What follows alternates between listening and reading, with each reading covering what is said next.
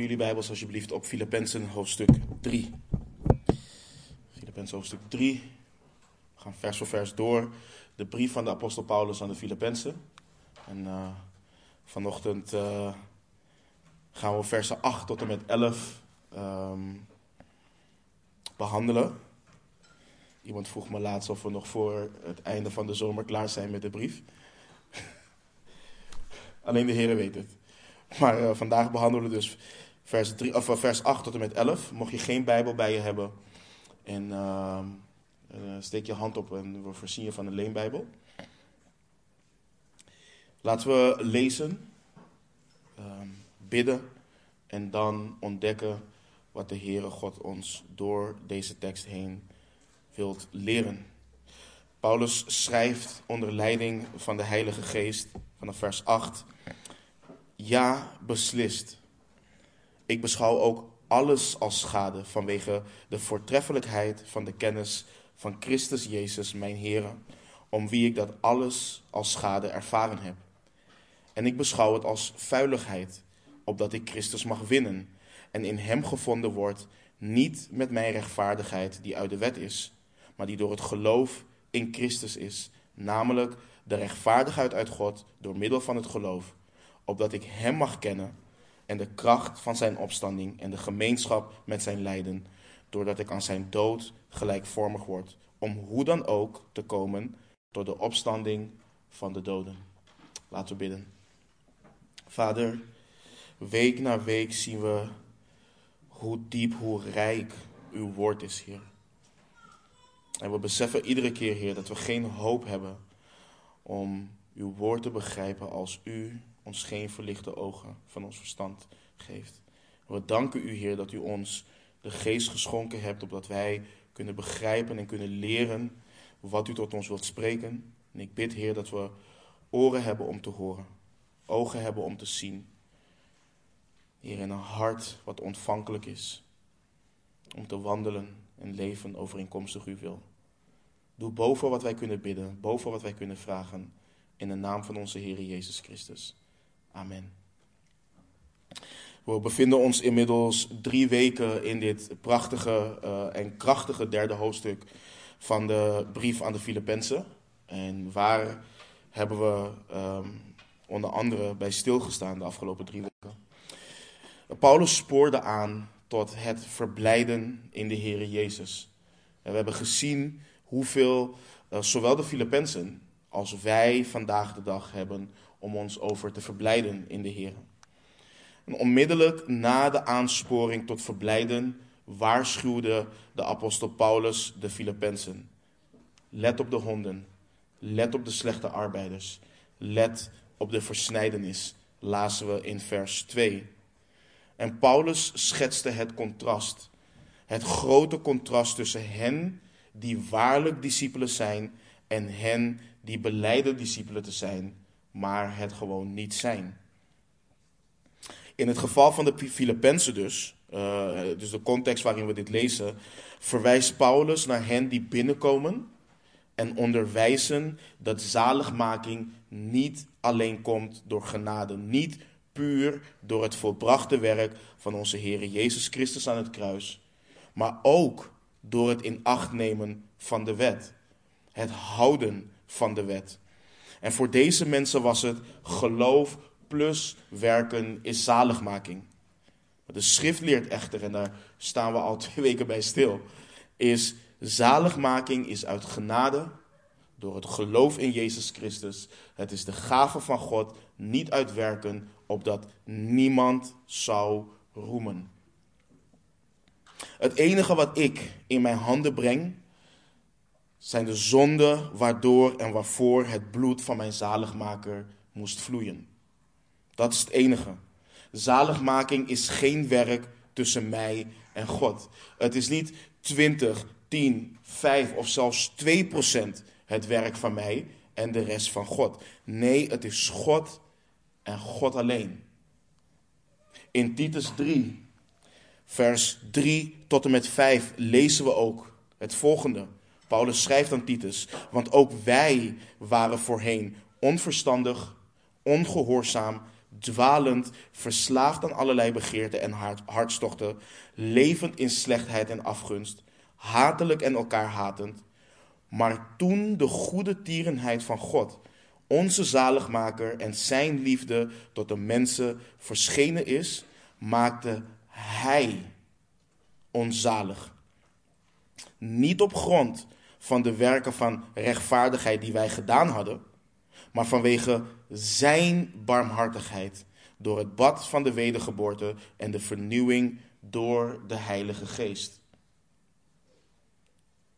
Let heel goed op wat Paulus schrijft in vers 5. Hij maakte ons zalig. Niet op grond van de werken van rechtvaardigheid die wij hebben gedaan, maar vanwege zijn barmhartigheid. Aan Timotheus schreef hij in zijn tweede brief, we lezen in 2 Timotheus 1, vers 9 als volgt. Hij heeft ons zalig gemaakt. En geroepen met een heilige roeping, niet overeenkomstig, overeenkomstig onze werken, maar overeenkomstig zijn eigen voornemen en genade die ons gegeven is in Christus Jezus voor de tijden der eeuwen. De cipier in Filippi die tot bekering is gekomen, wat vroeg hij na de aardbeving en zijn ontdekking dat alle gevangenen er nog waren in Handelingen 16, ehm, vers 30 en 31. Heren, heren, wat moet ik doen om zalig te worden? Wat moet ik doen om gered te worden? En toen volgde er niet een heel riddeltje aan wetten en besnijdenis. Nee, zij zeiden: geloof in de Heere Jezus Christus en u zult zalig worden, u en uw huisgenoten. De Heer Jezus zei in Johannes 6, vers 47: Voorwaar, voorwaar, ik zeg u, wie in mij gelooft, heeft eeuwig leven. De schrift leert nogmaals: zaligmaking is uit genade door het geloof in Jezus Christus. Het is de gave van God, niet uit werken opdat niemand zou roemen. En de apostel Paulus hamert op dit punt. Hij blijft hierop hameren en hij maakt ook duidelijk: zij die ware discipelen zijn, zij hebben zich niet in het vlees laten verminken, maar zij hebben een nieuw hart ontvangen. Ze zijn besneden van hart. Dus zegt hij in vers 3 van Filippenzen 3: Wij zijn de besnijdenis. Wij die God in de geest dienen en in Christus Jezus roemen en niet op het vlees vertrouwen. En denk overigens hiermee niet dat Paulus een discipel creëert die achteroverleunend zit en zegt: Ik geloof. En verder hoef ik niets meer te doen. Nee, nee, hij schrijft duidelijk: we dienen God in de geest. En we roemen in Christus Jezus en vertrouwen niet op het vlees. Dus wat Paulus duidelijk maakt is: we leggen geen ene vorm van vertrouwen in het vlees om onszelf rechtvaardig voor God te stellen. Nee, we roemen in Hem, in de Heere der Heren, het smetteloze lam van God. We roemen in Hem die het volbracht heeft, Christus Jezus, die de verzoening is voor onze zonden. En dus Paulus ging verder en liet daarin ook zien dat hij het levende bewijs is dat mensen die roemen in het vlees niets te roemen hebben. Ze hebben een zaligmaker nodig. Ze hebben de zaligmaker nodig. Paulus zette als het ware zijn cv uiteen. Besneden op de achtste dag, uit het geslacht van Israël, van de stam Benjamin, een Hebreeër uit de Hebreeën, wat de wet betreft een Fariseer, wat ijver betreft een vervolger van de gemeente, wat de rechtvaardigheid betreft die in de wet is, onberispelijk. Wat een getuigenis, kun je je voorstellen? Dit is hoe Paulus onderweg was naar Damascus om de kerk daar te vervolgen. Volledig overtuigd van zijn eigen rechtvaardigheid. Volledig overtuigd van zijn ijver voor de Heere God. Maar Christus verscheen aan hem. Christus verscheen aan hem eerst vol ijver en daarna lees je in Handelingen 9 vers 6. En hij zei, dus Paulus, bevend en verbaasd. Heere, wat wilt u dat ik doen zal? Paulus kon niets anders dan alles waar hij aan vasthield, alles waarvan hij overtuigd was dat te herzien. Besneden op de achtste dag, dat is niets. Uit het geslacht van Israël, van de stam van Benjamin, dat is niets. Een Hebreeër uit de Hebreeën, niets.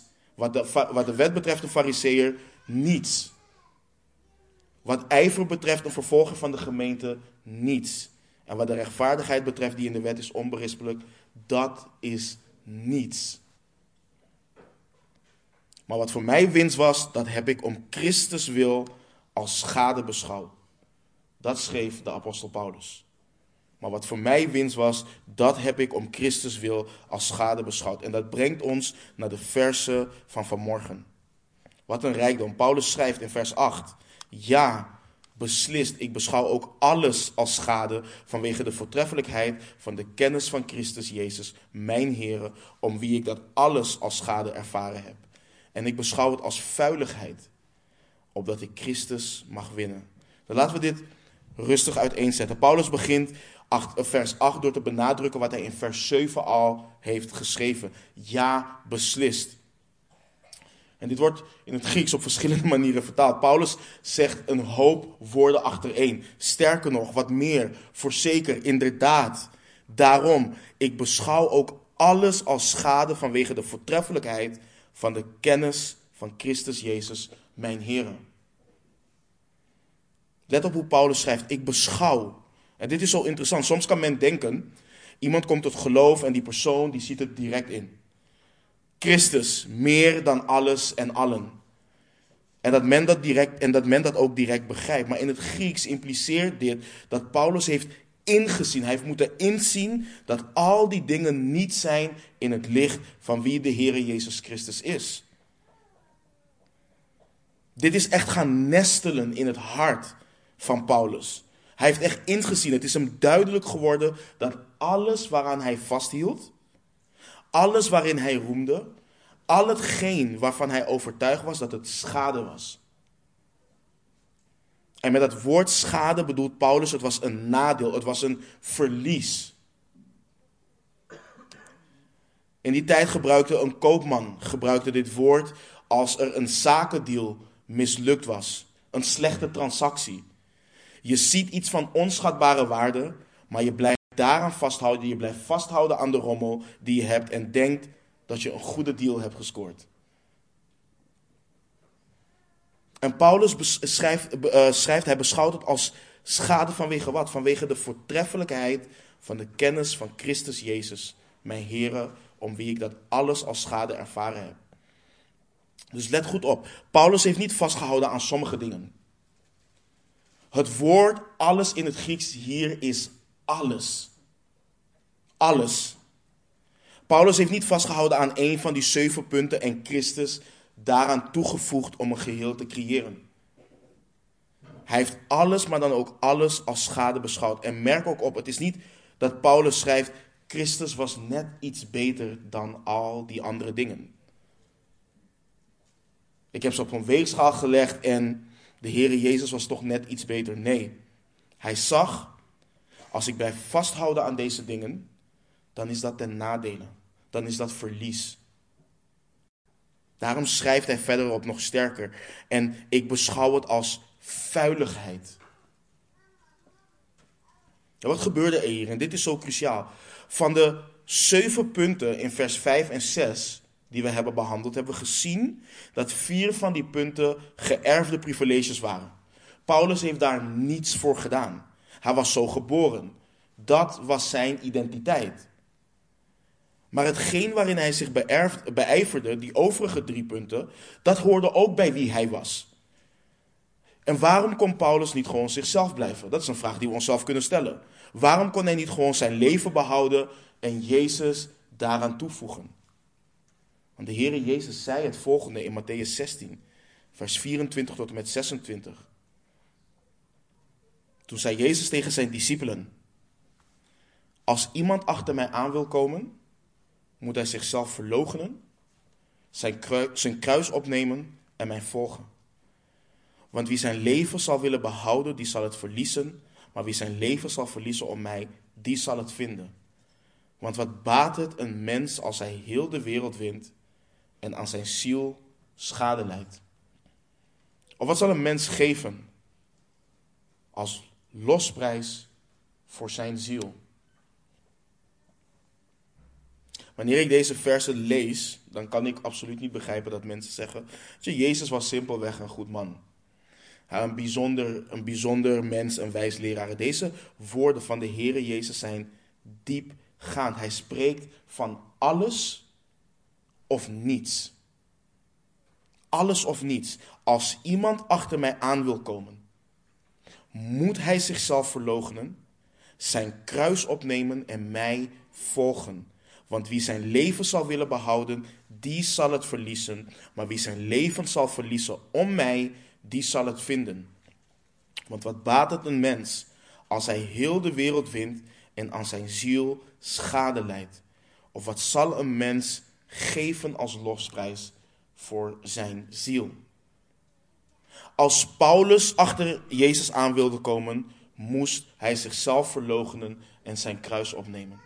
Als Petrus achter hem aan wilde komen, moest hij zichzelf verloochenen en zijn kruis opnemen. Als jij achter hem aan wilt gaan, moet je jezelf verloochenen, je kruis opnemen en hem volgen.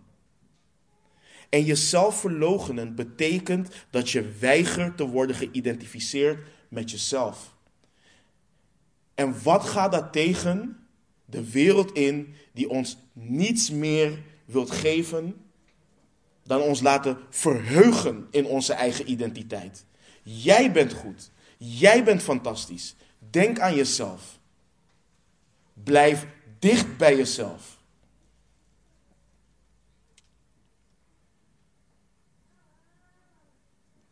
Je weigert te worden geïdentificeerd met jezelf, je eigen ik. Je moet je eigen ik verstoten, afwijzen. Je eigen ik verwerpen, je eigen ik negeren. Want let op wat de Heer Jezus zegt in vers 25. Want wie zijn leven zal willen behouden, die zal het verliezen. Maar wie zijn leven zal verliezen om mij, die zal het vinden. Als ik, en dan, en dan moeten we komen bij de definitie, dan moeten we gaan definiëren wat betekent leven. Daar is wat, dat, dat is waar we naar moeten kijken. Als ik wil leven, als ik wil leven zoals God het leven heeft gedefinieerd, Hij die de maker, de schepper is van het leven, dan dien ik te sterven aan mezelf. Dan dien ik te sterven aan mezelf. Ik kan niet mezelf blijven. Maar dit is de transactie, zegt de Heer Jezus. Verlies ik mijn leven omwille van Christus, omwille van Hem, dan zal ik het leven vinden. Niet een leven, het leven. Dat zal ik vinden omwille van Hem. Waarom? Want Hij is het leven en in Hem is het leven. Johannes schrijft in 1 Johannes 5, vers 11. En dit is het getuigenis. Namelijk dat God ons het eeuwige leven gegeven heeft. En dit leven is in zijn zoon. Het is in zijn zoon. Maar terug, let op wat de Heer Jezus nog meer zegt. En dit is waar het zo cruciaal wordt. Vers 26 van Matthäus 16. Want wat baat het een mens als hij heel de wereld wint en aan zijn ziel schade leidt? Of wat zal een mens geven als losprijs voor zijn ziel? Dit is een retorische vraag.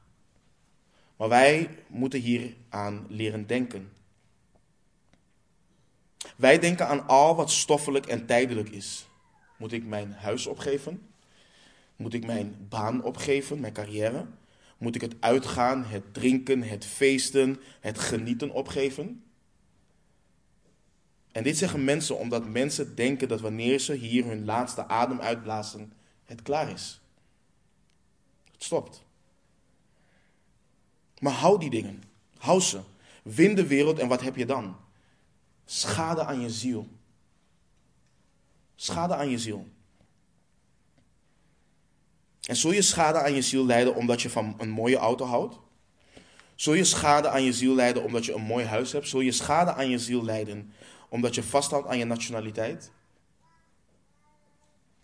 Nee, omdat je niet hebt gezien en weigerde te erkennen dat al die dingen schadig, schade, vuiligheid, rommel waren in het licht van wie Christus Jezus is. Je weigerde in te zien dat Christus van onschatbare waarde was of is. En dat was ook het probleem van die rijke jonge man. Als je in je Bijbel naar Matthäus gaat, Matthäus 19. Hij is best wel groot, dus ik heb hier de versen gezet. Matthäus 19 vanaf vers 16 tot en met 22.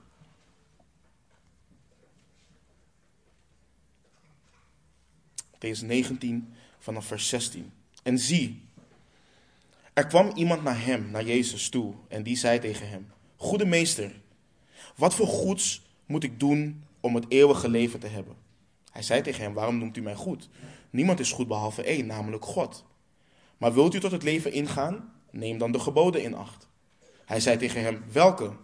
Jezus zei: U zult niet doden, u zult geen overspel plegen, u zult niet stelen, u zult geen vals getuigenis afleggen. Eer uw vader en moeder. En u zult uw naaste lief hebben als uzelf. Let op, de Heer Jezus heeft net gezegd: niemand is goed. En dan zegt de jongeman. De jongeman zei tegen hem: Al deze dingen heb ik in acht genomen van mijn jeugd af. Wat ontbreekt mij nog? Jezus zei tegen hem: Als u volmaakt wilt zijn, ga dan heen, verkoop wat u hebt en geef het aan de armen. En u zult een schat hebben in de hemel. En kom dan en volg mij. Toen de jonge man dit woord gehoord had, ging hij bedroefd weg, want hij had veel bezittingen. Veel mensen willen hier hun loon. Ze willen hier hun schat. We leven in een instant maatschappij en die gedachte is er bij ons als discipelen ook ingeschoten. Hoeveel van ons verheugen ons in het feit dat we een schat in de hemel zullen hebben. Hoeveel van ons verheugen ons dat er geestelijke zegeningen in de hemelse gewesten voor ons klaargelegd zijn? Nee, we willen nu zegeningen. We willen nu en hier kunnen zien dat Gods gunst over ons leven is. En we zien dat dan niet in genade, we zien het niet in barmhartigheid. We zien het niet in zijn trouw. We zien het niet in zijn liefde. Nee, we zien het in de dingen waar mot en roest ze wegvreten. Daarin zien we het. Als we die ene meevaller hebben gehad. Gods gunst is over mijn leven. Maar wat als het niet kwam? Is zijn gunst dan niet meer over je leven? Wanneer we beter zijn geworden. Gods gunst is over mijn leven. Maar wat als we niet beter worden? Is zijn gunst dan niet meer over ons leven? We willen hier ons schat hebben. Die dingen laten we niet los. En die rijke jongeman ook niet. Hij had nu veel bezittingen. Hij had hier veel rijkdom. Dat was wat hij had. Dat was wie hij was. En daar heeft hij naar zijn idee de wereld gewonnen. En dan denken dat je voor de levende, onmeetbaar heilige God komt te staan en Hem iets kunt bieden als losprijs voor je ziel. Hier, Heere God, mijn rijkdom. Staat er niet, of hier, Heere God, mijn goede werken. Hier, Heere God, mijn rechtvaardigheid. Ik zei net, ik had, ik had Gist, eergisteren een gesprek met een moslima. Die vertelde, ja, weet je, als je genoeg goede dingen doet, ja, je doet vandaag slechte dingen, morgen doe je goede dingen en dan ga je het paradijs in. Ik probeerde haar uit te leggen, luister. Het hart van de mens is verdorven. Onze werken zijn als een bezoedeld kleed. Als ik denk dat ik voor een heilig en rechtvaardig God kom en denk, hier alstublieft, dan kom ik toch niet daarmee voor God. Ik kom dat met de gedachte dat ik denk, ik heb iets zo goed dat God wel moet denken. Hier krijg je mijn gunst voor. Ik heb zoveel goede dingen gedaan. En God glimlacht en zegt: Kom maar. Alles wat ik breng is bevlekt door de zonde. En staat er niet dat er niemand rechtvaardig is, ook niet één. Staat er niet in dat al onze eigen werken als een bezoedeld kleed zijn voor hem. Staat er niet dat hij alles bezit. De aarde en al wat erin is, bezit hij. Wat zouden wij kunnen geven als een losprijs voor onze ziel?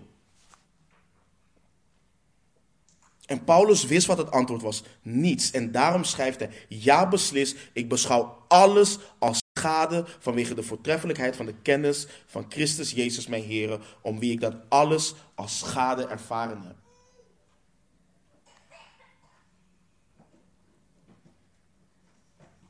Nu wil jullie vragen om dit te overdenken. In vers 7 schreef Paulus: Maar wat voor mij winst was, dat heb ik om Christus wil als schade beschouwd. En je kunt zeggen dat Paulus dit bij zijn bekering inzag. Ja, Christus is alles. Maar je ziet in vers 8 dat hij in de continue vorm schrijft. Ik beschouw ook alles. Nu. Hoe merkwaardig is dit? Tientallen jaren later schrijft de apostel Paulus dit. En overdenk het volgende: niet lang na zijn bekering probeerden de Joden hem al te doden. Paulus is geslagen, in gevangenissen gegooid. Sterker nog, hij schrijft deze brief als een gevangene. Hij is gegezeld. Niet één, niet twee, maar drie keer. Hij is gestenigd. Hij heeft driemaal schipbreuk eh, geleden. Veel in nacht, vaak in nachten zonder slaap, in honger en dorst, vaak in vasten, in koude en naaktheid. En let op wat Paulus schrijft. Ja, beslist, ik beschouw ook alles als schade vanwege de voortreffelijkheid van de kennis van Christus Jezus, mijn Heer, om wie ik dat alles als schade ervaren heb. Paulus onderging al die dingen als discipel van de Heer. En nog steeds is het schade. Nog steeds is Christus meer. En wat bedoelt hij met vanwege de voortreffelijkheid van de kennis van de Heer Jezus Christus? Laten we eens kijken naar de kennis van Christus Jezus. Het woord kennis, en dat is vaker gezegd, is een belangrijk woord. Het is het Griekse woord gnosis. Het komt van het Griekse woord gnosko. Wij zien het hier vertaald worden als kennis, als kennen. Maar dit spreekt niet van kennis op oppervlakkige wijze. Dit spreekt niet van simpelweg erkennen en weten dat iets zo is. Oh, Jezus is een historisch figuur die hier op aarde heeft gewandeld. Nee, dat is niet wat, waar hiervan wordt gesproken. Gnosis is kennis wat toegepast wordt en komt uit een persoonlijke ervaring en relatie. Paulus wilde niet over Jezus Christus weten. Hij wilde geen kennis over hem hebben, maar hem persoonlijk kennen. Hij wilde hem kennen. Dat is wat hij schrijft. Hij schrijft dat al deze dingen heb ik als schade beschouwd en beschouw ik nog steeds als schade om Jezus Christus persoonlijk te kennen. Om in een relatie met Hem te zijn en te leven. Dat is waar dit om draait. Dit draait om Jezus Christus persoonlijk kennen. Om Hem. Je hebt geen christendom zonder Jezus Christus. Als wij hier simpelweg doctrine prediken omwille van doctrine, als wij hier simpelweg dogmatisch zijn om dogmatisch te zijn, als wij hier komen en dit niet doen omwille van Jezus Christus, dan heb je hier niet meer dan een boekenclub. Dat is alles wat je hier hebt.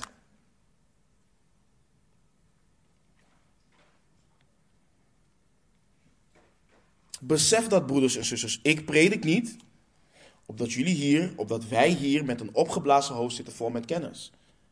Wij prediken opdat we jullie Christus mogen voorhouden en jullie Hem mogen kennen. Jullie je in Hem mogen verheugen, zijn volmaakte wil leren onderscheiden en leven tot eer en glorie van Zijn naam. In volle verwachting van Zijn wederkomst. Dat is wat we doen hier. Dit draait om Hem. Let op wat Paulus schrijft, vanwege de voortreffelijkheid van de kennis van Christus Jezus, vanwege de voortreffelijkheid. Leven in een persoonlijke relatie met Jezus Christus. Het persoonlijk kennen van Hem is superieur ten opzichte van al het ander, zegt Paulus. Het kennen staat boven al het ander. En let op wat Paulus zegt, het kan niet samengaan. Het gaat niet samen. Dit staat daarboven. Al het andere is schade, het is rommel, het is vuiligheid. Alles. Ik wil Christus kennen. En waarom? De Heer Jezus bad tijdens zijn hoge priestelijk gebed in Johannes 17, vers 3. Let op wat de Heer Jezus zegt. Dit is het eeuwige leven. Dit is het eeuwige leven. Dat zij u kennen, de enige waarachtige God en Jezus Christus die u gezonden hebt.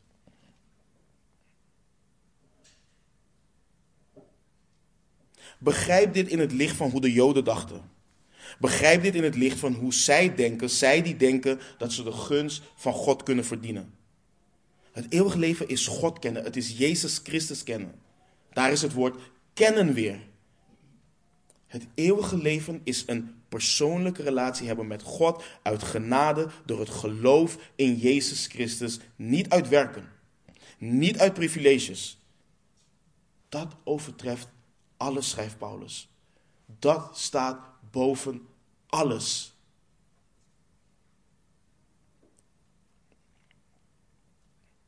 Het is niet als de kerken die zeggen: ja, nee, maar doe dit. Doe dit wat je voorganger zegt en het is goed met je. Nee. Doe dit wat je. De ouderlingen hier kunnen jullie niet zalig maken. Wij zijn niet jullie hoop. Christus is jullie hoop. Hij alleen.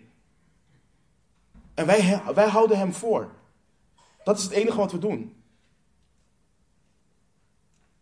Maar je moet een persoonlijke relatie met hem en met hem alleen hebben. Je moet in hem geloven. Hij is voor jou aan het kruis gegaan. Hij heeft de dood en de zonde overwonnen. Hij is het offer wat aanvaard is door de Vader. Alleen Hij. En dit is het verschil tussen hen die verloren zijn en hen die wedergeboren zijn. Zij kennen hun goede herder. Zij kennen hem intiem, zij kennen hem persoonlijk, zij horen zijn stem. De Heer Jezus zei in Johannes 10, vers 14 en 15: Ik ben de goede herder en ik ken de mijnen, en let op, en word door de mijnen gekend. Zoals de Vader mij kent en ik de Vader ken en ik geef mijn leven voor de schapen. Bestudeer het evangelie van Johannes en je zult zien hoe immens groot het thema is van de relatie tussen de Vader en de Zoon. De verbondenheid, de eenheid tussen hen. Jezus zegt ook in vers 15, zoals de Vader mij kent en ik de Vader ken. De schapen van de Heer Jezus kunnen niet rusten en ze kunnen geen voldoening halen in hunzelf proberen te rechtvaardigen. Ze kunnen niet rusten en voldoening halen in hun religieuze daden, in hun eigen wijsheid. Nee, want hun ziel is verzadigd in, het, in Jezus Christus, het levende brood. Daarin wordt hun ziel verzadigd. Het levende manna wat uit de hemel is neergedaald. Hem leren kennen. En zijn schapen, ze kijken naar alles. Alles wat de wereld op hen afvuurt. En ze zien het als sneeuw voor de zon verdwijnen wanneer ze kijken naar de onschatbare waarde die Christus Jezus is.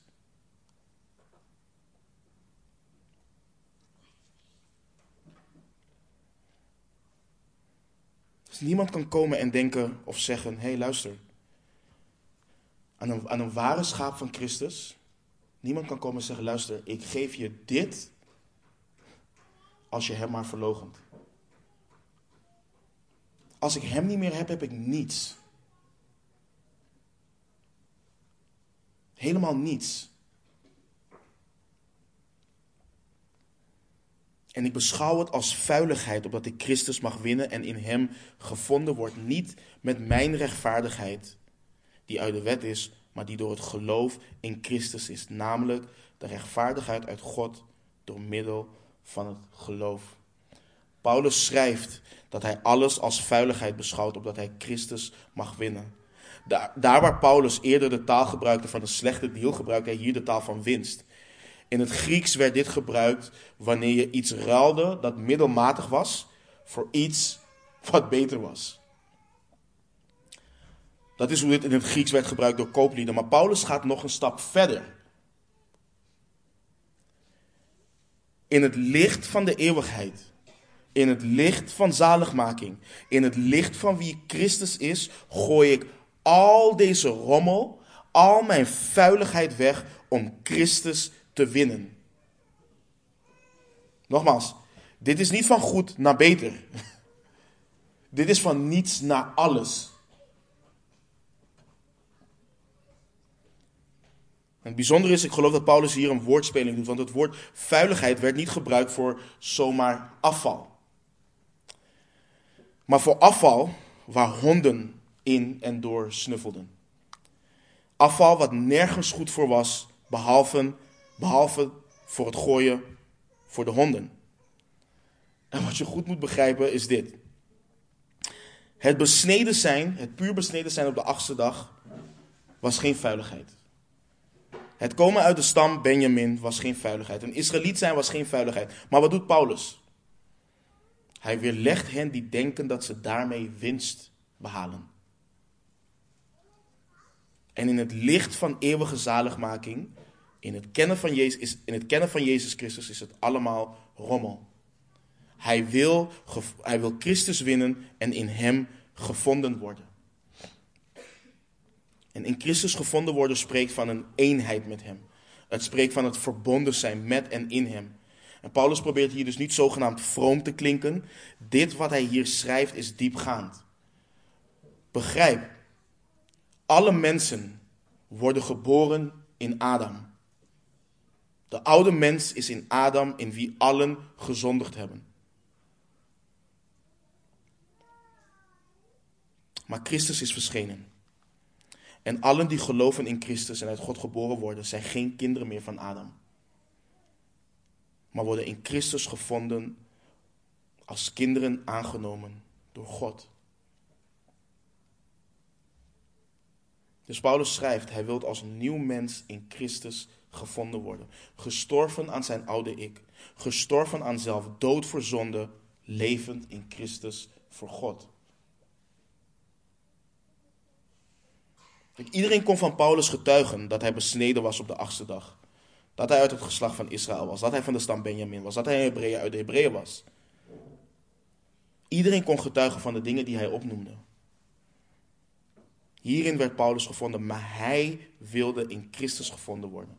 Hij wilde met hem verbonden zijn. Maar dat heeft diepgaande gevolgen. Christus duwt en verdrijft de oude mens.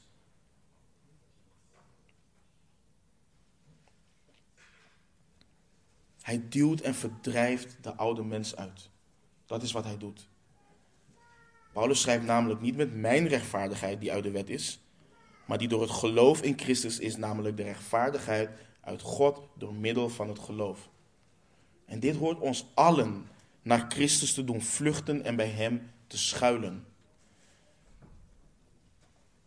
In Christus gevonden worden betekent dat je niet rechtvaardig voor God staat door wat jij hebt gedaan, maar dat je volledig, maar dan ook volledig wordt vrijgesproken door het geloof in Jezus Christus, namelijk de rechtvaardigheid uit God door middel van het geloof. De rechtvaardigheid die Paulus nodig had, die de Filippenzen nodig hadden en die jij en ik nodig hebben, is de rechtvaardigheid die komt van God in Christus door het geloof. Er is geen mens, er is geen rechtvaardiging voor een mens daarbuiten. Dit is de manier om verzoend te worden met God. Kijk, de wereld wil ons doen geloven dat alle wegen leiden naar Rome. Dat is wat de wereld ons wil doen geloven. Een ieder heeft zijn eigen pad. Een ieder heeft zijn eigen wandel. En de ene komt er linksom, rechtsom, bovenop of nee. De Bijbel is dogmatisch.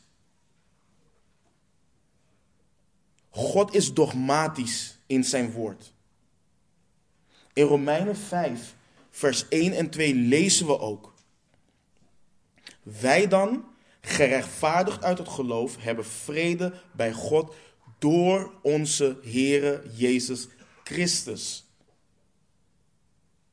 Wat schrijft Paulus nog meer? Door Hem hebben wij ook de toegang verkregen door het geloof tot deze genade waarin wij staan en wij roemen in de hoop op de heerlijkheid van God.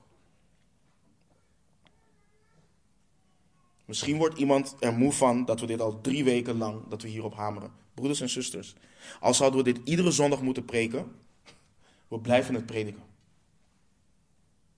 We blijven het prediken.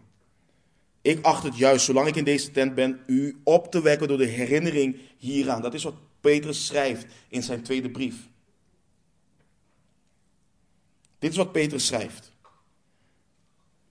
En ik smeek jullie, als jullie denken, als er iemand hier is die denkt op een andere wijze gerechtvaardigd te worden voor God dan in Christus gevonden te worden door het geloof, bekeer je. Bekeer je. Hou niet vast aan het feit dat je wellicht opgegroeid bent in een christelijk gezin. Hou niet vast aan het feit dat je vroeger wellicht naar de zondagschool ging. Hou niet vast dat je op een jeugdkamp bent gegaan en daar iets hebt ervaren. Hou niet vast aan het feit dat je gedoopt bent. Hou niet vast aan je bediening. Hou niet vast aan je eigen wijsheid. Kijk naar dat kruis waar het bloed van het lam heeft gevloeid. Kijk naar het graf wat leeg is. Kijk naar het smetteloze lam van God, want alleen door Hem zul je gerechtvaardigd worden. Alleen door Hem en alleen in Hem. En dit is altijd hoe, mensen, hoe God mensen heeft gerechtvaardigd. Dit is geen nieuwe doctrine bedacht door de apostel Paulus. In Romeinen 1, vers 17, ik heb het niet op het scherm, schrijft Paulus dat de rechtvaardige zal leven uit het geloof. Paulus citeert daar Habakkuk 2, vers 4. Dit is al voorzegd voordat de Heer Jezus Christus hier op aarde was. Het is nooit uit de wet geweest. Het zal ook nooit uit de wet zijn. Het is nooit uit werken geweest en het zal ook nooit uit werken zijn. Allen die gevonden worden in Christus zullen met vrijmoedigheid en met immense blijdschap voor de troon van God komen te staan. Waarom? Omdat het is zoals het lofzang wat we vorige week hebben gezongen. Nabij Gods verheven troon hebben wij een sterk en volmaakt pleidooi. Een hoge priester, wiens naam liefde is, die in eeuwigheid leeft en pleit voor mij. Dat is het. Dat is het. Maak de balans op, broeders en zusters. Kijk naar alles waar je aan vasthoudt. Kijk naar alles waar je in roemt. En als het Christus niet is, gooi het weg. Gooi het weg. Het is vuiligheid, het is rommel. De zoon deed alles wat de vader welgevallig was. In hem had de vader zijn welbehagen. Hij is zijn geliefde zoon. Hij heeft de wet volmaakt gehouden en vervuld. Zijn offer heeft de vader geaccepteerd. En zalig zijn zij die hun gewaden hebben gewassen in het bloed van het heilige en smetteloze lam van God. Zalig zijn zij. En nu, broeders en zusters, kan ik de vraag stellen: wat is jullie doel in het leven? Wat jaag jij na? Maar ik ga die vraag niet stellen. We zien het in het leven, het getuigenis van de apostel Paulus heen, maar zien het ook in het hele Nieuwe Testament. Dus ik zeg het zo. Als jij een discipel bent, hoort jouw doel in het leven te zijn om Christus te winnen. Hem kennen. De juiste vraag is dit. Als ik weet wat ik hoor na te jagen, is dat wat ik doe? Is dat hoe ik leef? Dat is de vraag. Let op vers 10. opdat ik Hem mag kennen en de kracht van Zijn opstanding en de gemeenschap met Zijn lijden, doordat ik aan Zijn dood gelijkvormig word, om hoe dan ook te komen tot de opstanding van de doden. Wat is het hartsverlangen van de apostel Paulus? Dat hij Jezus Christus mag kennen. Dat hij Hem intiem en op, en op persoonlijke wijze mag kennen. Dat hij verbonden is met Hem. En doe dit niet denken aan die ene vraag van de psalmist. Die vraag, het verlangen in Psalm 24, vers 7. Eén ding heb ik van de Heere verlangd. En let hoe dat wordt benadrukt. Dat. Dat zal ik zoeken. Dat ik wonen mag in het huis van de Heere al de dagen van mijn leven om de lieflijkheid van de Heer te aanschouwen en te onderzoeken in zijn tempel. Al het ander kan me gestolen worden. Ik hoef niets anders. Ik zoek niets anders. Ik verlang niets anders. Ik verlang één ding van de Heer. Dat zal ik zoeken. Dat zal ik najagen. Broeders en zusters, het doel van ons leven is om Christus te kennen en Hem te verheerlijken. Dat is het doel. Dat is waarom wij hier op aarde zijn. De filosofen, de wetenschappers, de psychologen, die zoeken allemaal een antwoord. Wat gegeven is in Genesis 1, vers 1. In het begin schiep God de hemel en de aarde. Alles is in Hem, door Hem en voor Hem. Dat is het. Wij leven om Hem te kennen en Hem te verheerlijken. En er zijn vele manieren om Hem te kennen. We hebben het er vaker over het lezen en bestuderen van zijn woord, bidden, in gemeenschap leven met broeders en zusters binnen een lokale kerk enzovoorts. Maar Paulus heeft het hier in de context van, context van de tekst die we behandelen over hem kennen op een specifieke wijze. Paulus heeft het als eerst over de kracht van zijn opstanding. En de kracht van zijn opstanding leer je als eerste kennen. Bij jouw wedergeboorte, het moment dat de Heere God jou uit duisternis trekt, je bekering en geloof schenkt, je vergeving van zonde schenkt en bekleedt met de gerechtigheid van zijn Zoon. Wanneer hij jou rechtvaardigt in en door de Heere Jezus Christus. Het is door de kracht van de opgestane Heere dat dit in jou bewerkstelligd wordt. Net zoals de Heilige Geest de Heere Jezus fysiek uit de dood heeft opgewekt, zo ervaar je de kracht van zijn opstanding het moment dat de geest je geestelijk tot leven wekt. Aan de Efeziërs schreef Paulus ook wel in Efeze 2 vers 1. Ook u heeft hij met hem levend gemaakt. U die dood was door de overtredingen en de zonden. En in versen 4 en 5 van hetzelfde hoofdstuk.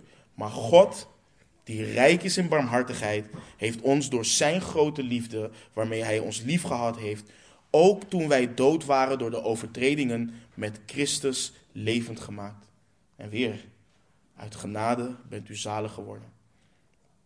De Heere God heeft je ogen geopend en je bekeerd van duisternis tot licht en gegrepen uit de macht van de Satan tot God, opdat je vergeving van zonde zou ontvangen en een erfdeel onder de geheiligden door het geloof in Jezus Christus.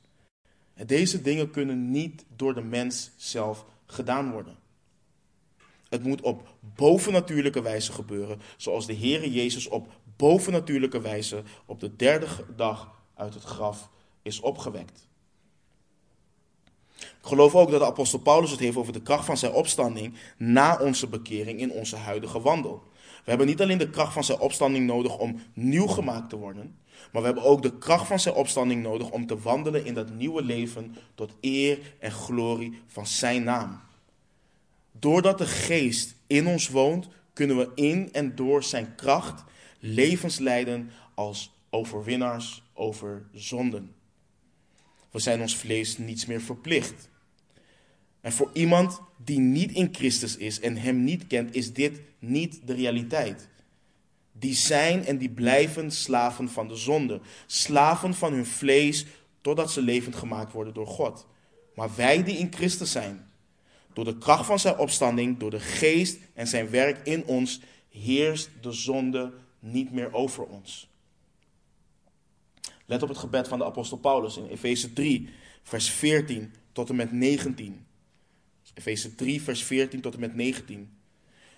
Om deze reden buig ik mijn knieën voor de Vader van onze Heer Jezus Christus, naar wie elk geslacht in de hemelen en op de aarde genoemd wordt, opdat Hij u geeft, naar de rijkdom van Zijn heerlijkheid, met kracht gesterkt te worden door Zijn geest in de innerlijke mens, opdat Christus door het geloof in uw harten woont en u in de liefde geworteld en gefundeerd bent, opdat u ten volle zou kunnen begrijpen met alle heiligen wat de breedte en lengte en diepte en hoogte is, en u de liefde van Christus zal kennen, die de kennis te boven gaat, opdat u vervuld zou worden tot heel de volheid van God.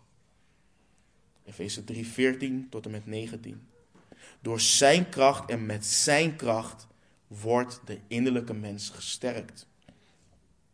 Dit is het kennen van de kracht van zijn opstanding. De kracht van zijn opstanding probeert in ons een onbeschrijfbare liefde.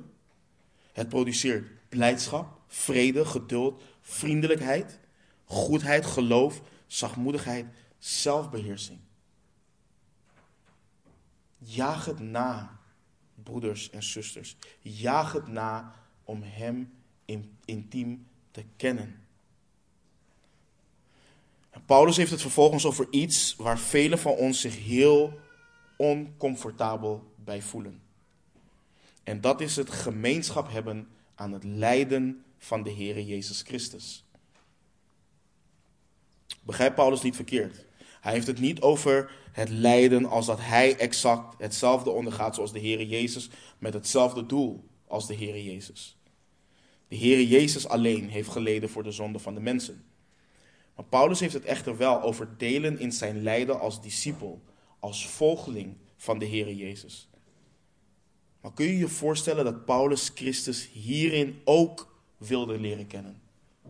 Gemeenschap met zijn lijden. Daar voelen wij ons oncomfortabel bij. Maar Paulus schreef aan Timotheus in 2 Timotheus 3, vers 12. En ook allen, ook allen die godvruchtig willen leven in Christus Jezus, zullen vervolgd worden. Let goed op dit vers. Kijk goed naar de woorden.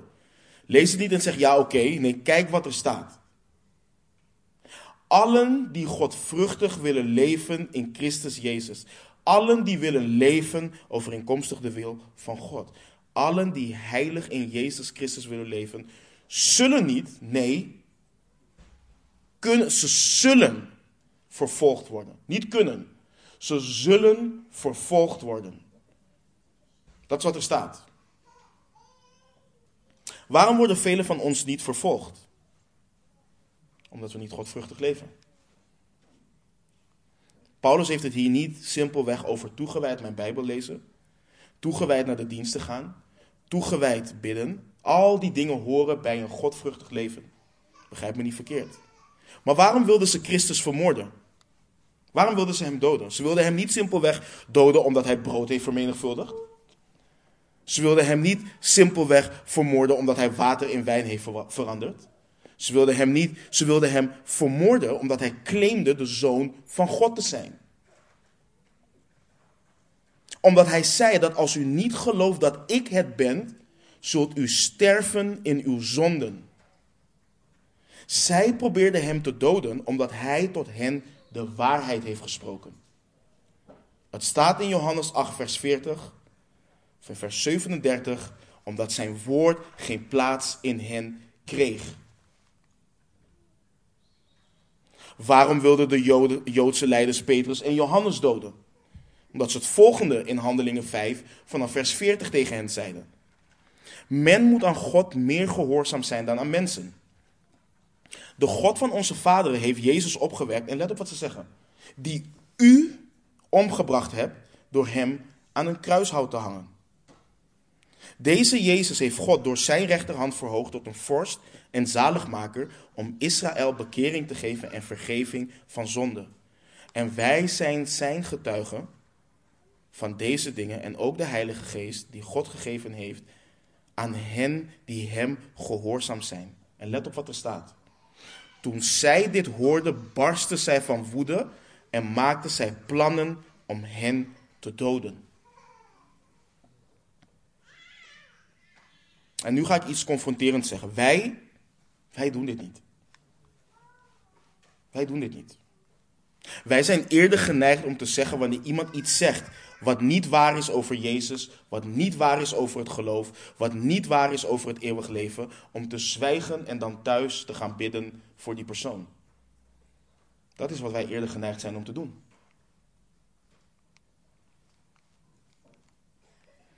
Wij doen dat eerder dan ze te confronteren met de waarheid over hun zonde, de staat van hun ziel en dan te zeggen dat Jezus de enige weg is tot zaligmaking. We zeggen en we bidden, Heere, open deuren zodat ik van u kan getuigen. En wat wij vaak willen is dat we zonder enige vorm van weerstand, zonder enige vorm van ongemak, het evangelie kunnen delen. En dat ze of onmiddellijk tot geloof komen, of ons vriendelijk bedanken, maar dat het dan geen ongemakkelijke relatie wordt. Laten we diep in ons hart kijken. Dat is wat velen van ons doen.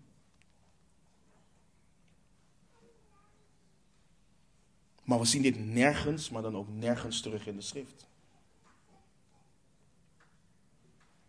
Stefanus, Paulus, Johannes, Petrus hadden gemeenschap met zijn lijden, want ze volgden hem na in alles. Jullie weten, ik sta hier niet om jullie oren te kietelen.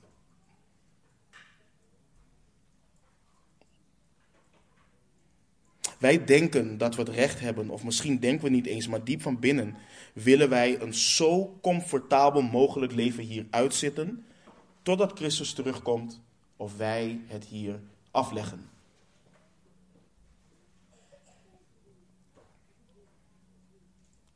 Ik kan hier niet getuigen, want anders raak ik mijn baan kwijt. Anders raak ik X kwijt. Mogen de Heere God ons verlossen van ons vleeselijk denken en ons werkelijk, werkelijk een hart geven van vrijmoedigheid om godvruchtig te leven en gemeenschap te hebben met zijn lijden. Christus is gekomen om het zwaard te brengen.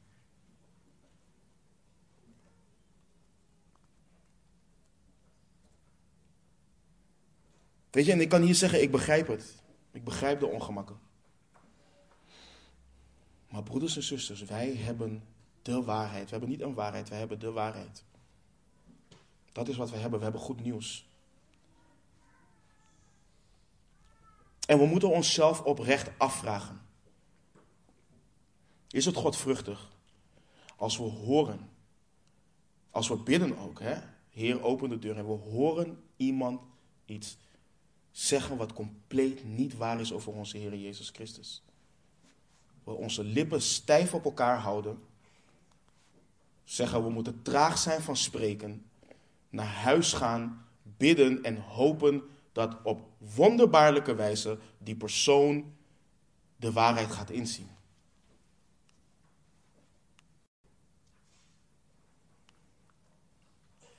We moeten onszelf echt die vragen afstellen, gaan stellen.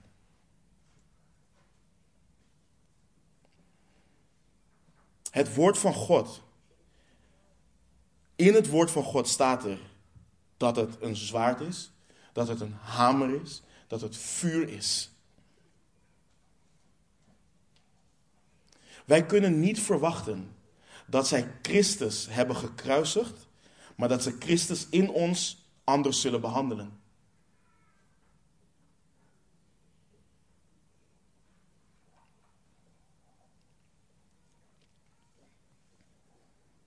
Paulus wilde hem kennen door gemeenschap te hebben met zijn lijden.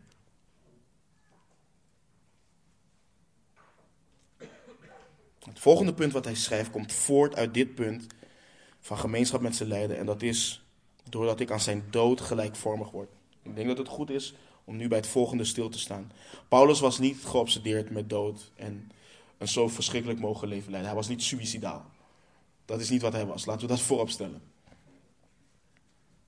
Maar hij wist wel, zoals we net hebben geciteerd uit Timotheus, dat Christus volgen in alles dit teweeg zal kunnen brengen.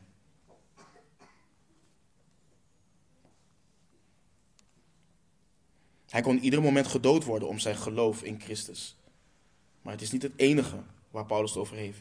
Christus intiem kennen betekent dat je komt op een punt dat je oude ik gekruisigd wordt, net zoals Christus gekruisigd is. Je sterft aan jezelf. Net zoals Paulus schreef in Galaten 2:20. Ik ben met Christus gekruisigd en niet meer ik leef, maar Christus leeft in mij. En voor zover ik nu in het vlees leef, leef ik door het geloof in de Zoon van God, die mij heeft liefgehad en zichzelf voor mij heeft overgegeven. Maar denk ook aan hoe hij in Colossense, aan de Colossense uh, schrijft in Colossense 3, vanaf vers 5. Net nadat hij geschreven heeft hoe hij is opgewekt met Christus, schrijft hij daar: Dood dan uw leden die op de aarde zijn, sterf aan jezelf. Weet je, de Heer Jezus deed hier de wil van de Vader en zo dienen wij gelijkvormig te worden aan zijn dood in gehoorzaamheid. En vers 11 om hoe dan ook te komen tot de opstanding van de doden. Paulus zegt hier niet, en dat moeten we goed begrijpen, dat door al deze dingen, door me zo in te spannen, zal ik hoe dan ook komen tot de opstanding van de doden. Nee, hij, hij weet echter wel dat als hij gevonden wordt in Christus, en al die dingen die daaruit voortvloeien, wat we net hebben behandeld, zal resulteren in de opstanding van zijn dood bij de komst van de Heer Jezus Christus. Wanneer de Heer Jezus Christus ons zal ontdoen van al onze zonden, van dit corrupte en gevallen vlees en ons een nieuw lichaam, een verheerlijk lichaam zal geven.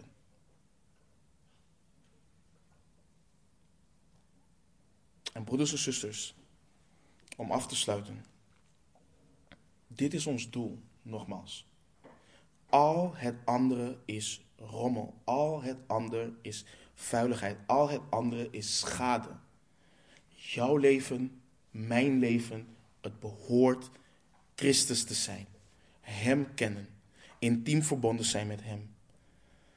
Als dit niet iets is wat leeft in jouw hart, maar je wel zoiets hebt van, ik wil dit.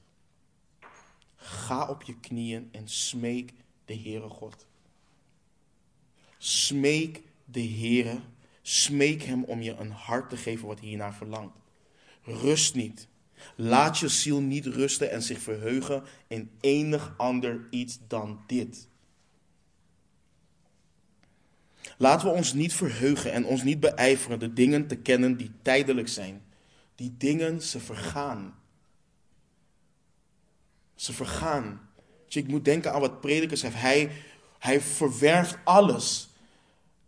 En dan weet hij niet wie het zal erven. Is het een dwaas of is het iemand die er, die er goed mee om? Al die je zult alles achterlaten. Alles zul je achterlaten. Er is niets wat je meeneemt. Niets.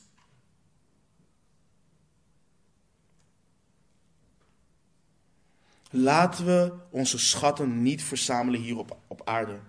Maar laten we, laat ons najagen Hem die onze schat is, die begerenswaardiger is dan zuiver goud en zilver.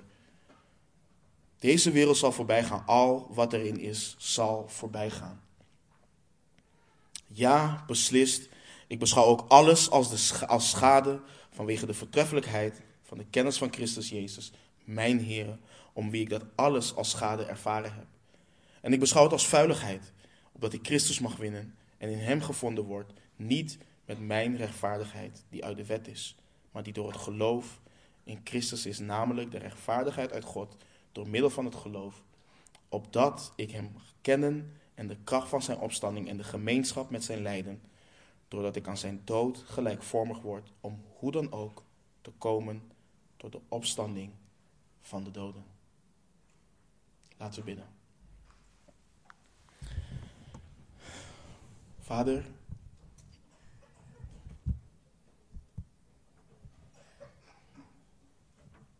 Iedere week, iedere week spreekt uw woord tot onze harten, want het is een levend woord. Maar er zijn van die weken, Heer, waar u dwars door het hart, dwars door de ziel heen gaat. En dat het soms pijn doet, Heer, omdat we geconfronteerd worden.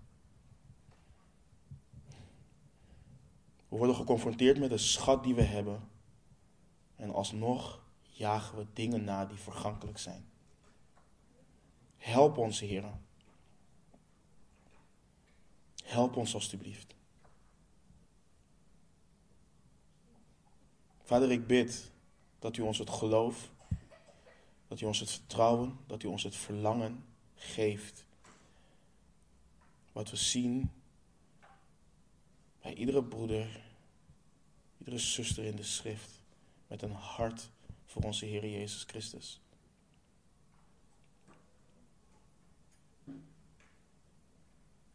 Hou ons Christus voor.